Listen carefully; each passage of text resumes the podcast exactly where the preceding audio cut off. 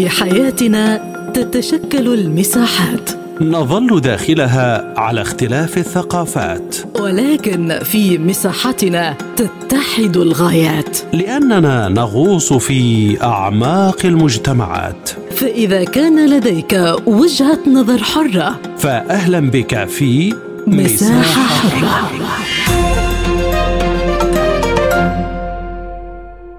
أهلا بكم في مساحة حرة معكم فيها عبد الله حميد.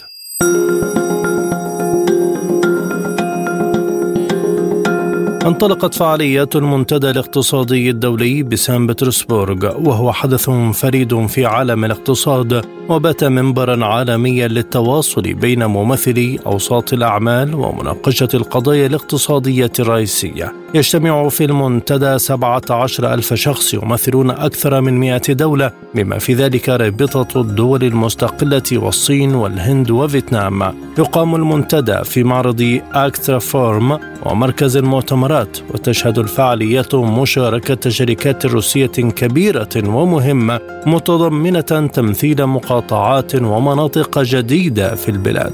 وينقسم برنامج الأعمال الرئيسي لمنتدى بطرسبورغ إلى خمس مجموعات هي الاقتصاد العالمي في عصر التحول العالمي الاقتصاد الروسي من التكيف إلى النمو بناء السيادة التكنولوجية مدخرات الناس وجودة الحياة كأولوية قصوى سوق العمل الاستجابة للتحديات الجديدة. من جهتها قالت رئيسة مجلس الاتحاد الروسي فالنتينا ماتفيينكو إن حجم المشاركة العالمية في المنتدى دليل على فشل المحاولات الغربية لعزل روسيا مشيرة إلى أن المنتدى اكتسب مصداقية باعتباره أهم منصة دولية في عالم الأعمال.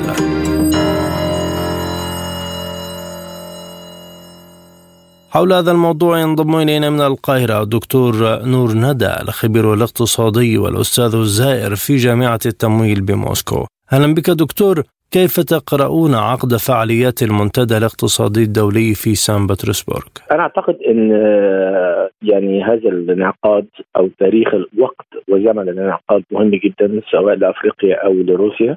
العلاقات الاقتصادية الروسية الأفريقية بتنمو بمعدلات عالية جدا.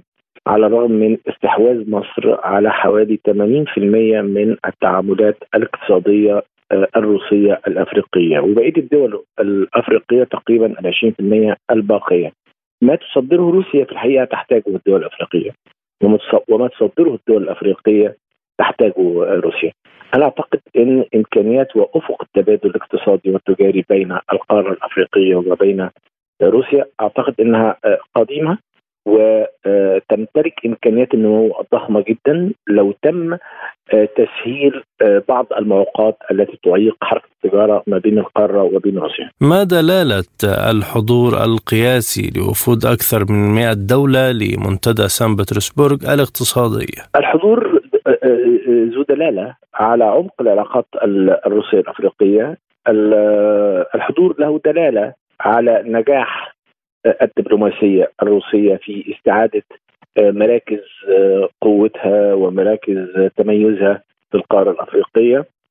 القارة الأفريقية لا تحمل أي تجارب سلبية استعمارية من الجانب الروسي فالروسي روسيا بتبدأ مع القارة وفي تاريخها لم يكن ابدا أي جهد استعماري وبالتالي هناك ترحيب أفريقي في الحقيقة بروسيا واضح تماما على المستويين على المستوى الشعبي وعلى المستوى الرسمي وأنا أعتقد انه على روسيا أن توظف ذلك لخدمة مصالحها الوطنية.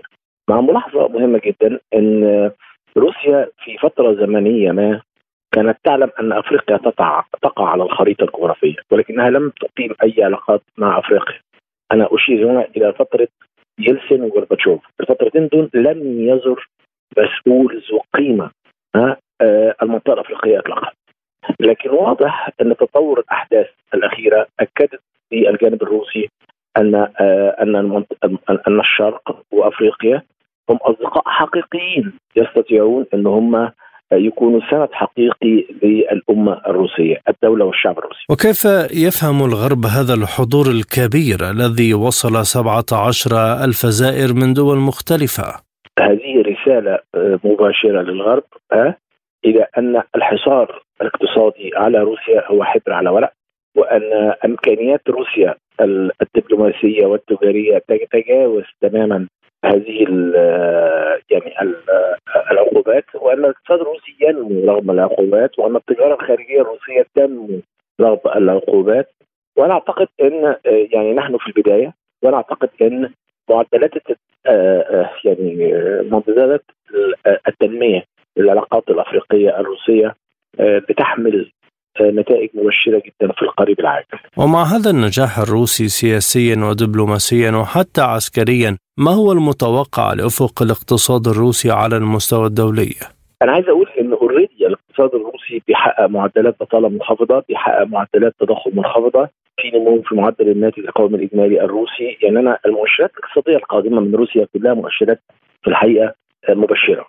وعشان كده أنا دايما بقول إن المعارك مع الغرب ليست فقط على الأراضي الأوكرانية ولكن هناك في معركة أهم مع الغرب على الجانب الاقتصادي والجانب النقدي. وأنا أعتقد إن روسيا استطاعت روسيا والصين تحديدا استطاعوا إن هم يهزوا عرش الدولار في العالم. وبعد ما كان الدولار تقريبا بيمثل حوالي 90% من أساليب الدفع في التجارة الخارجية أو احتياطات الدول لعملتها الوطنية. أنا أعتقد إن نسبة ال 90 دي تراجعت. وأستطيع إن أنا أقول بارتياح شديد إن إن هذه النسبة تتراوح ما بين 58 أو 60% يعني في خلال الفترة الأخيرة في انتقاص من دور الدولار بحوالي 30% وأنا أعتقد إن هذه العملية مستمرة. ومع إصدار العملة عملة تكتل البريكس ومع نمو الاتجاه العالمي في التبادل التجاري باستخدام العملات الوطنية والمحلية أعتقد إن ده ده الخطر الكبير ليس فقط على الاقتصاد الأمريكي بل على النفوذ الأمريكي في العالم واللي اكتسبته أمريكا بعد الحرب العالمية الثانية. دكتور يعني سان بطرسبورغ هل يعزز من الرغبة الدولية في الانضمام إلى منظمة بريكس؟ طبعا طبعا. اولا اولا حجم الطلب يعني حجم العضوية في بريكس بينمو وتجمع الاقتصادي في سان بطرسبورغ. أعتقد إن هو داعم كبير لهذه الحركة وأنا أعتقد إن حتى الدول التي كانت تمتلك احتياطات في السندات الحكومة الأمريكية أو لدى أمريكا بدأت تشعر بقلق شديد على احتياطاتها أو أموالها اللي موجودة في الغرب. خاصة بعد تجنيد الأصول المالية للبنك المركزي الروسي والشركات الروسية مما أعطى مؤشرات سلبية عن الأمان أو الكريديتابل الأمان اللي موجود في في النظام النقدي العالمي.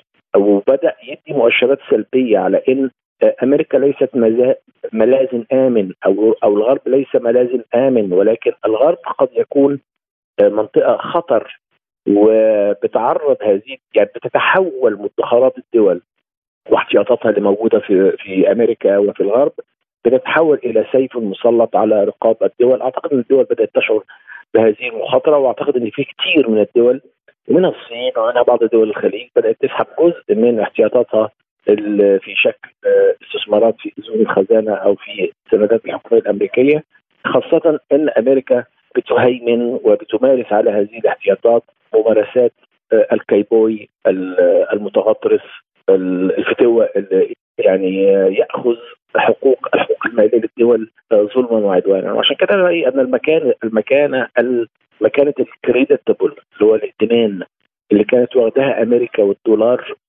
أعتقد إنها انخفضت كثيرا بفضل ما يحدث الآن على الأراضي الأوكرانية. بالنظر أيضا للحضور العربي الكبير في المنتدى، كيف يعزز ذلك من فرص الشراكة الاقتصادية بين روسيا والمنطقة العربية؟ يعني الملاحظ الملاحظ أن الاستثمارات الخليجية وخاصة الإماراتية والسعودية في روسيا بتنمو الآن بمعدلات عالية. والاستثمارات الروسية بالمناسبة في الخارج أعتقد إن الروس قد تعلموا الدرس. يعني كان تقريبا 90% من استثمارات الروس في الخارج في أوروبا وأمريكا. النهارده يعلم الروس تماما حجم المخاطرة لهذه التي تتعرض لهذه الاستثمارات وأعتقد أن بوصلة البوصلة الاقتصادية والسياسية والاجتماعية حتى والأمنية والعسكرية الروسية قد تحولت من الغرب إلى الشرق وبالتالي أنا أعتقد أن تستطيع روسيا أن تصنع مع الشرق تكتل أممي مهم يساعد في إنضاج نظام اقتصادي ونقدي عالمي جديد يكون أكثر عدلا وانصافا لكافة الدول. شكرا جزيلا لك دكتور نور ندى الخبير الاقتصادي والأستاذ الزائر في جامعة التمويل بموسكو كنت معنا من القاهرة. من موسكو ينضم إلينا الدكتور سمير أيوب المختص في الشأن الروسي. أهلا بك دكتور. ما أهمية عقد منتدى سان بطرسبورغ الاقتصادي في هذا التوقيت؟ أهلا وسهلا بكم تحياتي لكم ولمستمعيكم الكرام. يعني الحقيقة المنتدى الذي الذي تم افتتاحه بالأمس في مدينة سانت بطرسبورغ له ما يميزه وخاصة في هذا العام أنه يأتي بعد العملية العسكرية الروسية الخاصة في أوكرانيا والتي أرغمت على القيام بها ويأتي في إطار الصراع والمواجهة في مختلف المجالات بين روسيا وحلف الناتو بقيادة الولايات المتحدة الأمريكية هذه المواجهات صحيح على جبهات قتال يعني هناك مواجهات عسكرية لكن المواجهة الأساسية التي كان يعول عليها التي كانت تعول عليها الدول الغربية وبالاخص مع الولايات المتحدة الأمريكية هي المواجهة الاقتصادية مع روسيا ومحاولة عزلها والضغط على مختلف الدول التي تتعامل معها. العقوبات الاقتصادية فرضت على روسيا على موجات متعددة وكانت آخرها الموجة التي يعني يمكن أن نعتبرها عقوبات فرضت على العقوبات أي أنها تطال الدول الأخرى التي تحاول الاستمرار في العلاقات الاقتصادية والمالية مع روسيا.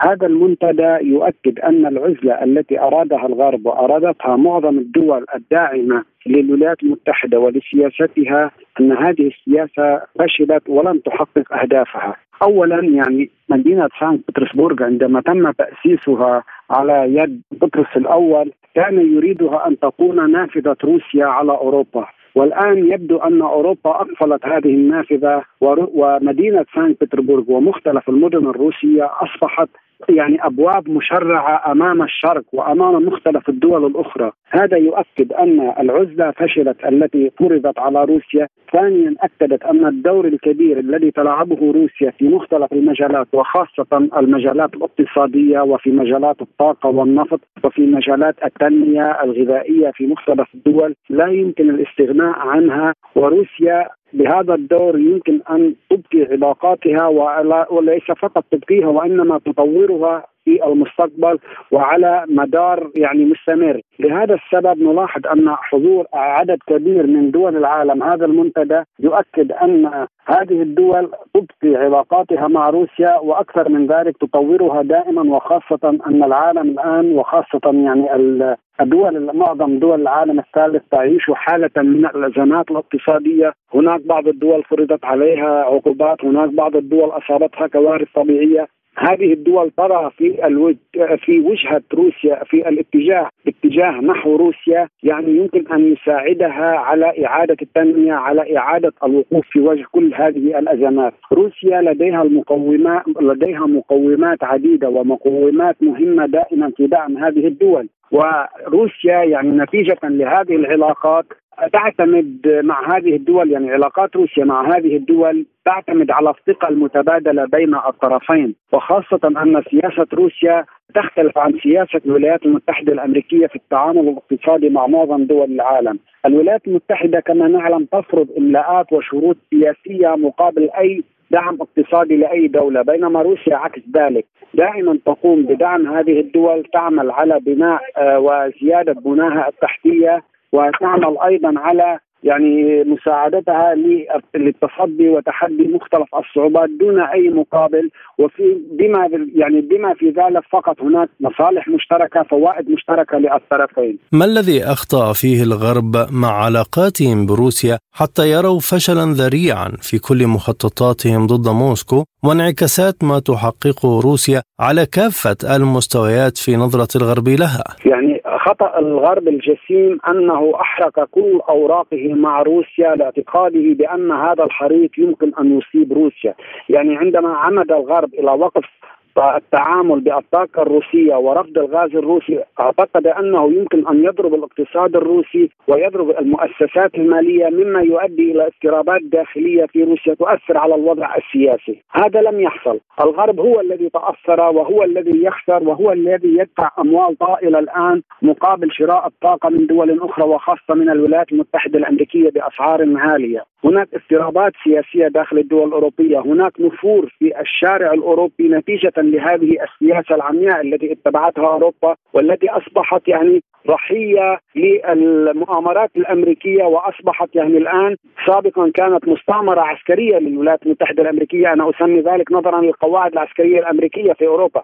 الآن أصبحت بالإضافة إلى أنها مستعمرة عسكرية أصبحت أيضا تحت الإملاءات الأمريكية في المجال الاقتصادي يعني مسيطر عليها من قبل الولايات المتحدة مما يفقدها العديد الكثير من استقلاليتها من اتخاذ قرارات يمكن أن تكون أكثر مناسبة لها. الآن نلاحظ أن كل القرارات التي تهم الدول الأوروبية تنطلق إما من لندن أو من واشنطن. بينما الدول الغربية وخاصة ألمانيا وفرنسا أدوارها أصبحت مهمشة حتى أن بولندا بدأت تلعب دور بالنسبة للولايات المتحدة الأمريكية أكثر بكثير مما تلعبه أو كانت تلعبه ألمانيا. التي ضربت اقتصادها، ألمانيا كان اقتصادها هو يمكن يعني الاقتصاد الأول في أوروبا ويمكن أن يكون الاقتصاد الثالث في العالم لو أبقت على علاقاتها مع روسيا، الآن خسرت هذا الموقع، لذلك نعم الدول الأوروبية بتقديري لو أعيد القرار لها لا يمكن أن تكرر ما قامت به من أخطاء ويمكن أن تعيد هذه السياسة، لكن للأسف دخلت في نفق مظلم مع الولايات المتحدة الأمريكية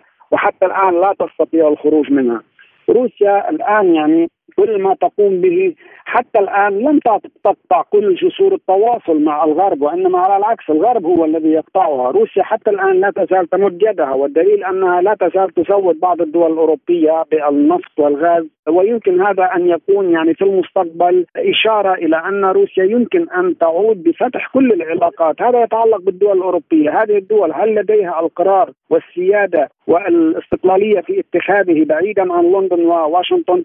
أنا أشكك بذلك، لذلك نرى الآن روسيا نجحت نجاحا بارعا في فتح نوافذها وأبوابها باتجاه الشرق، باتجاه الصين، باتجاه الهند، باتجاه باكستان، دول أمريكا اللاتينية، دول الشرق الأوسط، دول أفريقيا، ونحن على أبواب أيضا قمة أفريقية روسية، كل هذا يثبت بأن محاولات الغرب عزل روسيا واحتوائها فشلت فشلا ذريعا، روسيا مستمرة في سياستها التعامل مع مختلف دول العالم وأيضا ما يخص العملية العسكرية يبدو أنها مستمرة حتى تحقيق أهدافنا. على وقع هذا الحدث هناك مشاركات مختلفة لعديد من دول العالم رغم حالة العقوبات التي حاول الغرب فرضها على روسيا على ماذا يدل؟ وهل ستكون هناك ارتدادات على هذه الدول؟ يعني أنا متأكد أو أنا لدي القناعة بأن الولايات المتحدة الأمريكية ضغط على ضغطت على العديد من هذه الدول لعدم المشاركة في هذا المنتدى، لكن يبدو أن وخاصة يعني دول الشرق الأوسط بما فيها الدول العربية، يعني يبدو أن هذه الدول أصبحت الآن أكثر قناعة من السابق بأن علاقاتها المتنوعة مع معظم دول العالم يعطيها الحد الأكثر من المناورة والاستقلالية في اتخاذ قراراتها، يعني في السابق كانت ملزمة آه، مع الولايات المتحدة الأمريكية بسبب علاقاتها الوحيدة معها، الآن روسيا قامت بدور فعال ودور رائد في الدبلوماسية عندما أبقت علاقاتها مع مختلف الدول العربية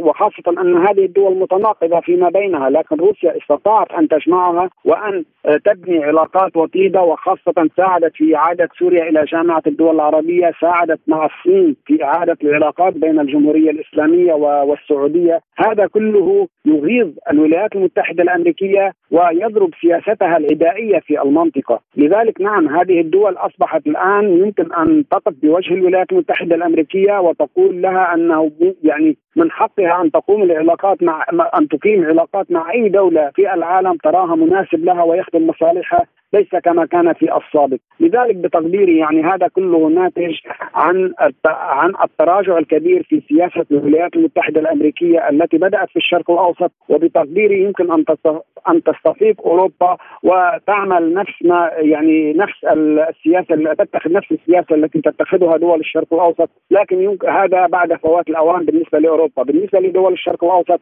أنا بتقديري نجحت الآن في تنويع في علاقاتها مع مختلف الدول بما فيها روسيا والصين وهذا بحد ذاته إشارة لبناء أساس جديد لعلاقات عالمية جديدة، أسس جديدة مبنية على تحالفات اقتصادية، تحالفات مالية، عالم متعدد الأقطاب بعيدا عن سياسة العالم الواحد والقرار الواحد. شكرا جزيلا لك دكتور سمير أيوب المختص في الشأن الروسي، كنت معنا من موسكو.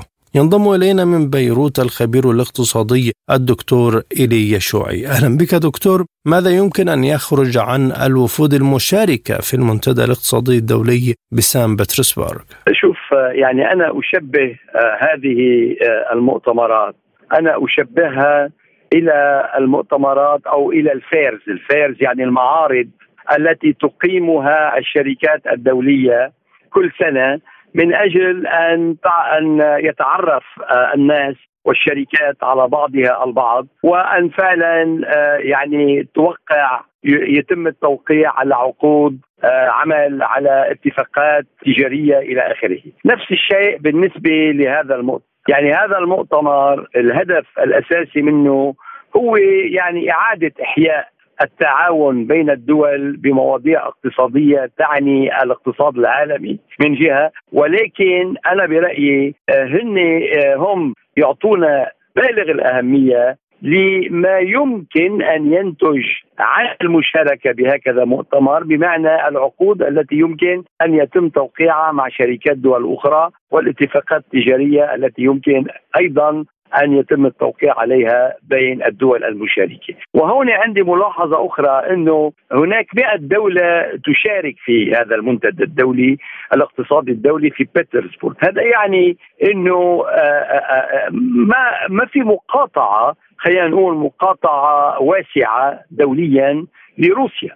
بالنسبة لطبعا النزاع العسكري بين روسيا وبين أوكرانيا. إنما هناك مشاركة يعني 100 دولة تشارك يعني ليس بالقليل ابدا ليس بالقليل ابدا. والموضوعات المطروحة على الطاولة إن كان الاقتصاد الروسي إن كان الاقتصاد العالمي إن كان موضوع التكنولوجيا إن كان موضوع آه، الاستثمارات إلى آخره هذه كلها هذه كلها يعني مواضيع حساسة جدا خصوصا في عالم يشهد آه، احداثا غير متوقعة. يعني مثلا الحرب الروسية الأوكرانية لم تكن متوقعة.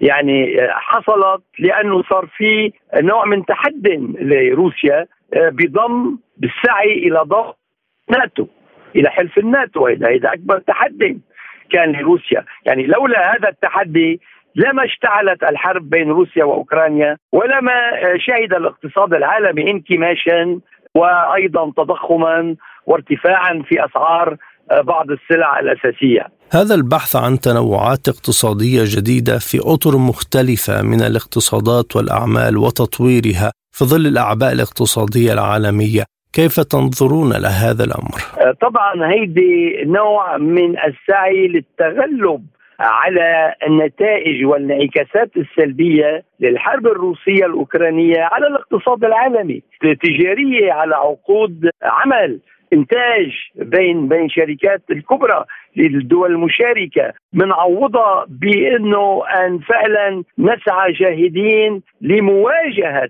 الانعكاسات السلبية أو مشاكل الاقتصاد العالمي، يعني اليوم الاقتصاد العالمي عم بيشهد انكماش، عم بيشهد تضخم، ارتفاع بالأسعار، عم بيشهد نوع من سكيرسيتي يعني ندرة لسلع أساسية كانت كانت يعني تصدرها وتنتجها روسيا وأيضا آه، أوكرانيا للاقتصاد العالمي وللدول في العالم. يعني هذا التعويض هذه المنتديات هي تعويض مهم جدا جدا عن مثل تلك الخسائر التي يتكبدها العالم بأسره جراء حروب تشتعل حروب تحصل بين دول حساسة جدا بالنسبة للاقتصاد العالمي إن بإنتاجها أو بنوعية صادراتها كالصادرات بعد مرة الروسية والأوكرانية يلي فيها كثير من المعادن فيها كثير من البترول يعني من المشتقات النفطية النفطية وفيها كثير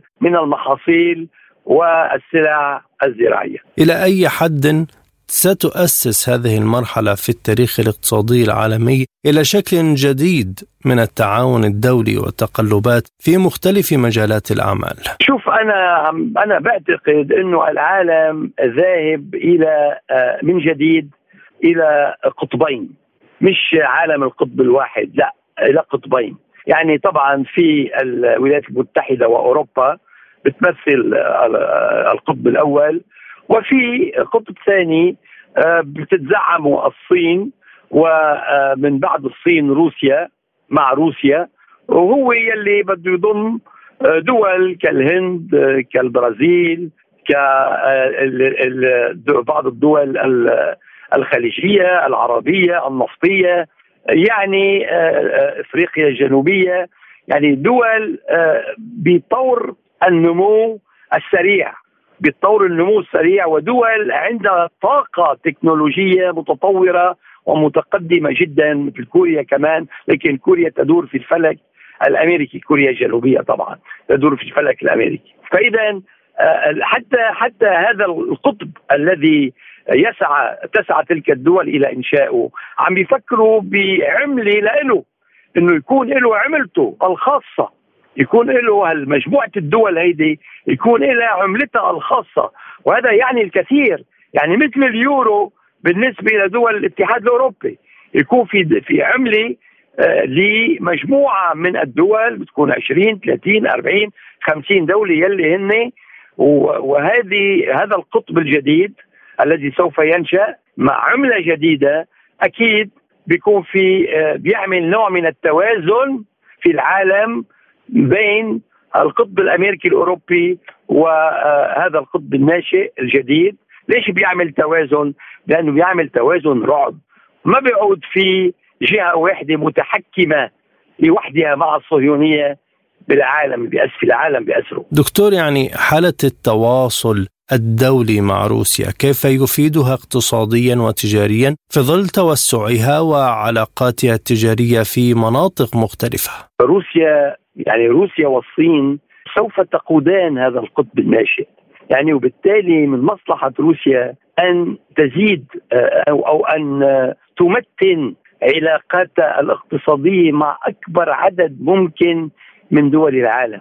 أكيد لأنه انتبه بالنتيجة التعاون الاقتصادي هذا يوصل إلى التحالف بالسياسة لأنه الاقتصاد والسياسة مرتبطان يعني مثل الجسد والروح لا ينفصلان.